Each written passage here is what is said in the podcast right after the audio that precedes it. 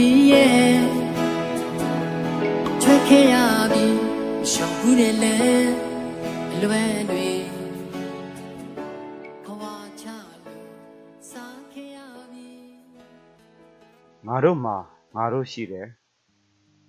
ဆောင်းမအမှတ်စဉ်နှစ်ဖြစ်ပါတယ်ကျွန်တော်ကထိန်လင်းမှာ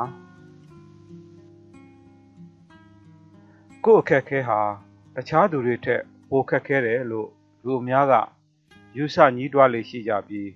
လူတချို့ကတော့အခက်အခဲမှန်သမျှကိုအားတင်းကြော်ဖြတ်ကြပါတယ်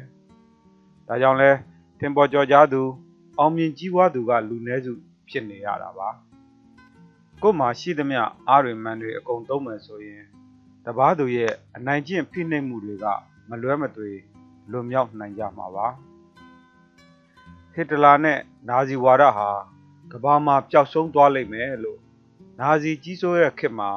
နေထိုင်ရသူတွေကအိမ်မက်တောင်မက်ဖို့မလွယ်ပါဘူးနာဇီဝါဒထူထောင်ရမှာတခြားဝါဒတွေရဲ့အငွေ့အသက်တွေလွှမ်းမိုးလို့မရအောင်ကိုစနစ်တကျလုပ်ခဲ့တာပါဂျူးဝါဒကွန်မြူနစ်ဝါဒအရင်းရှင်ဝါဒ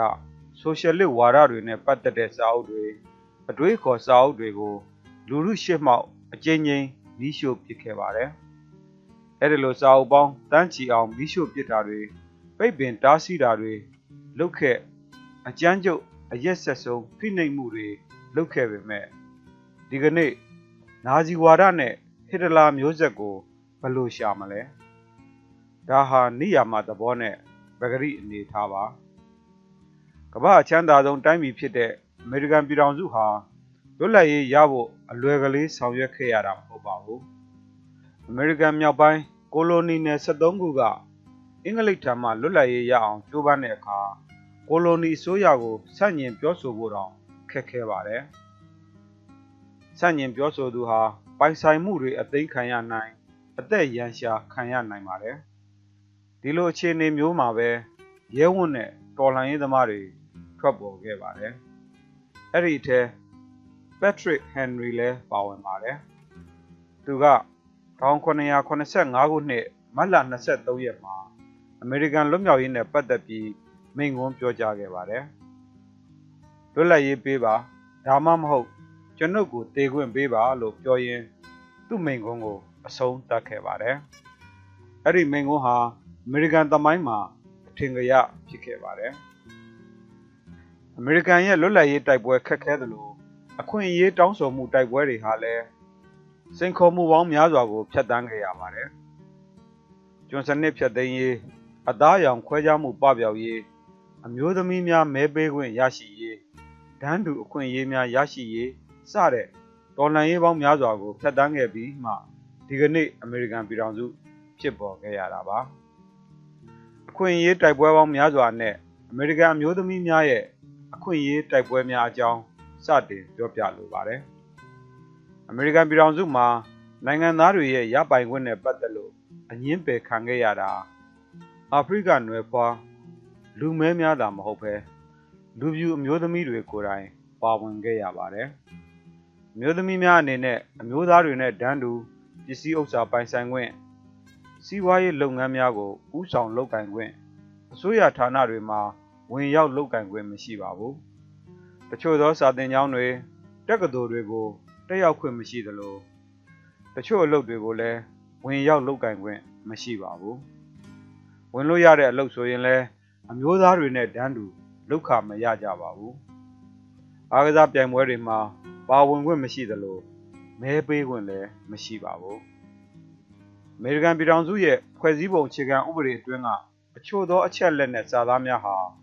အမျိုးသမီးများရဲ့သဘောထားတွေအယူအဆတွေဖြစ်ပေမဲ့ အဲ့ဒီဖွဲ့စည်းပုံအခြေခံဥပဒေကိုရေးဆွဲခဲ့တဲ့သူတွေထဲမှာအမျိုးသမီးတဦးမှမပါခဲ့ပါဘူး။အမျိုးသမီးများရဲ့အခွင့်အရေးဟာရာစုနှစ်ချီအောင်ခွဲခြားပိတ်ပင်ခံခဲ့ရပါတယ်။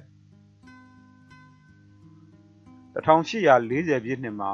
အမေရိကန်နဲ့ UK ကဖျက်သိမ်းရေးဝါဒီများဟာကျွန်းစနစ်ဖျက်သိမ်းရေးအတွက်လန်ဒန်မှာတွေ့ဆုံကြပါတယ်။အမေရိကန်တက်ကြွလှုပ်ရှားသူကိုယ်စားလှယ်အများစုကအမျိုးသမီးများပါ။ ဒါပေမဲ့ညီလာခံစီစဉ်သူတွေကအမျိုးသမီးတွေကိုညီလာခံမှာစကားပြောဆိုခွင့်မပြုုံသာမကခမ်းမအလဲကိုတောင်ဝင်ထိုင်ခွင့်မပေးခဲ့ပါဘူး။ဒါကြောင့်အမျိုးသမီးတွေဟာကလကာကာထားတဲ့ခမ်းမနောက်ဘက်မှာပဲထိုင်ခွင့်ရခဲ့ပါတယ်။ဒါဟာ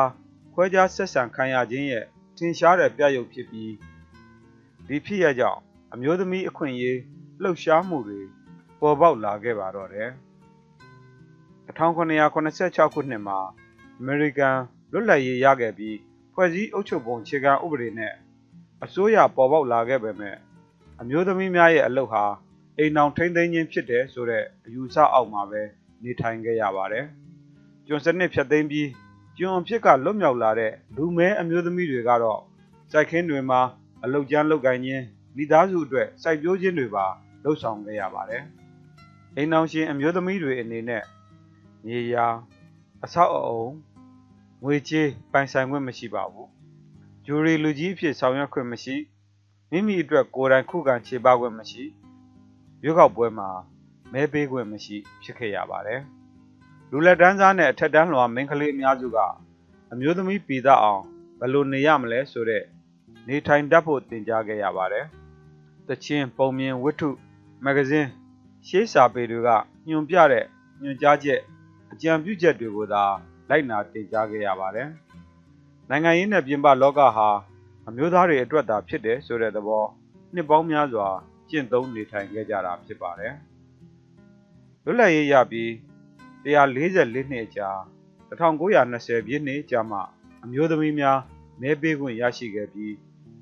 မဲပေးခွင့်ရရှိခဲ့တဲ့နှစ်ပေါင်း100ပြည့်တဲ့2020ပြည့်နှစ်ရောက်မှပထမဆုံးအမျိုးသမီး ဒုသမရပေါ်ပေါက်ခဲ့တာပါ။ရာစုနှစ်နဲ့ချီအောင်အခက်အခဲပေါင်းများစွာဖြတ်တန်းပြီးမှရခဲ့တာမို့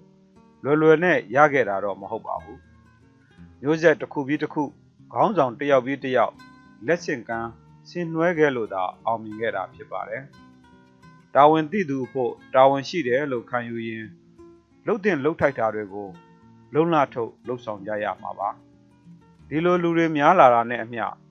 ကောင်းမွန်တဲ့လူပေါင်းကိုပုံမတီလျှောက်လာနိုင်ပါလိမ့်မယ်။ငါတို့နဲ့အတူငါတို့တွေရှိနေမယ်လို့ယုံကြည်ထားဖို့ကအဓိကပါ။အားလုံးကိုကျေးဇူးတင်ပါတယ်ခင်ဗျာ။ A new take idea let you go အရင်မြေမှာအချင်းတွေ kind see you